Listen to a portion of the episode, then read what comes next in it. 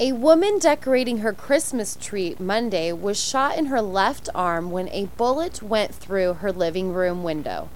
Police said the incident occurred about 5 p.m.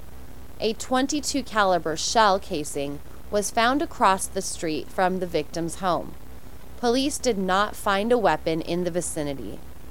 Mrs. Wilma Johnson was treated at a local hospital and allowed to go home. A hospital spokesman said she should recover nicely. She is in her late 50s, divorced, and living with Bob, the older of her two adult sons.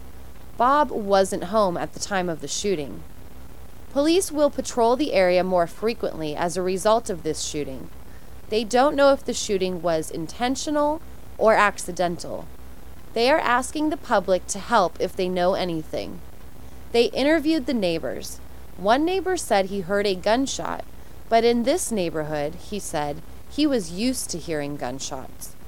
The police also questioned Mrs. Johnson's ex husband, Joe, who lives three blocks away. Joe said if he was going to shoot at his ex wife, he'd make sure he shot her in her butt.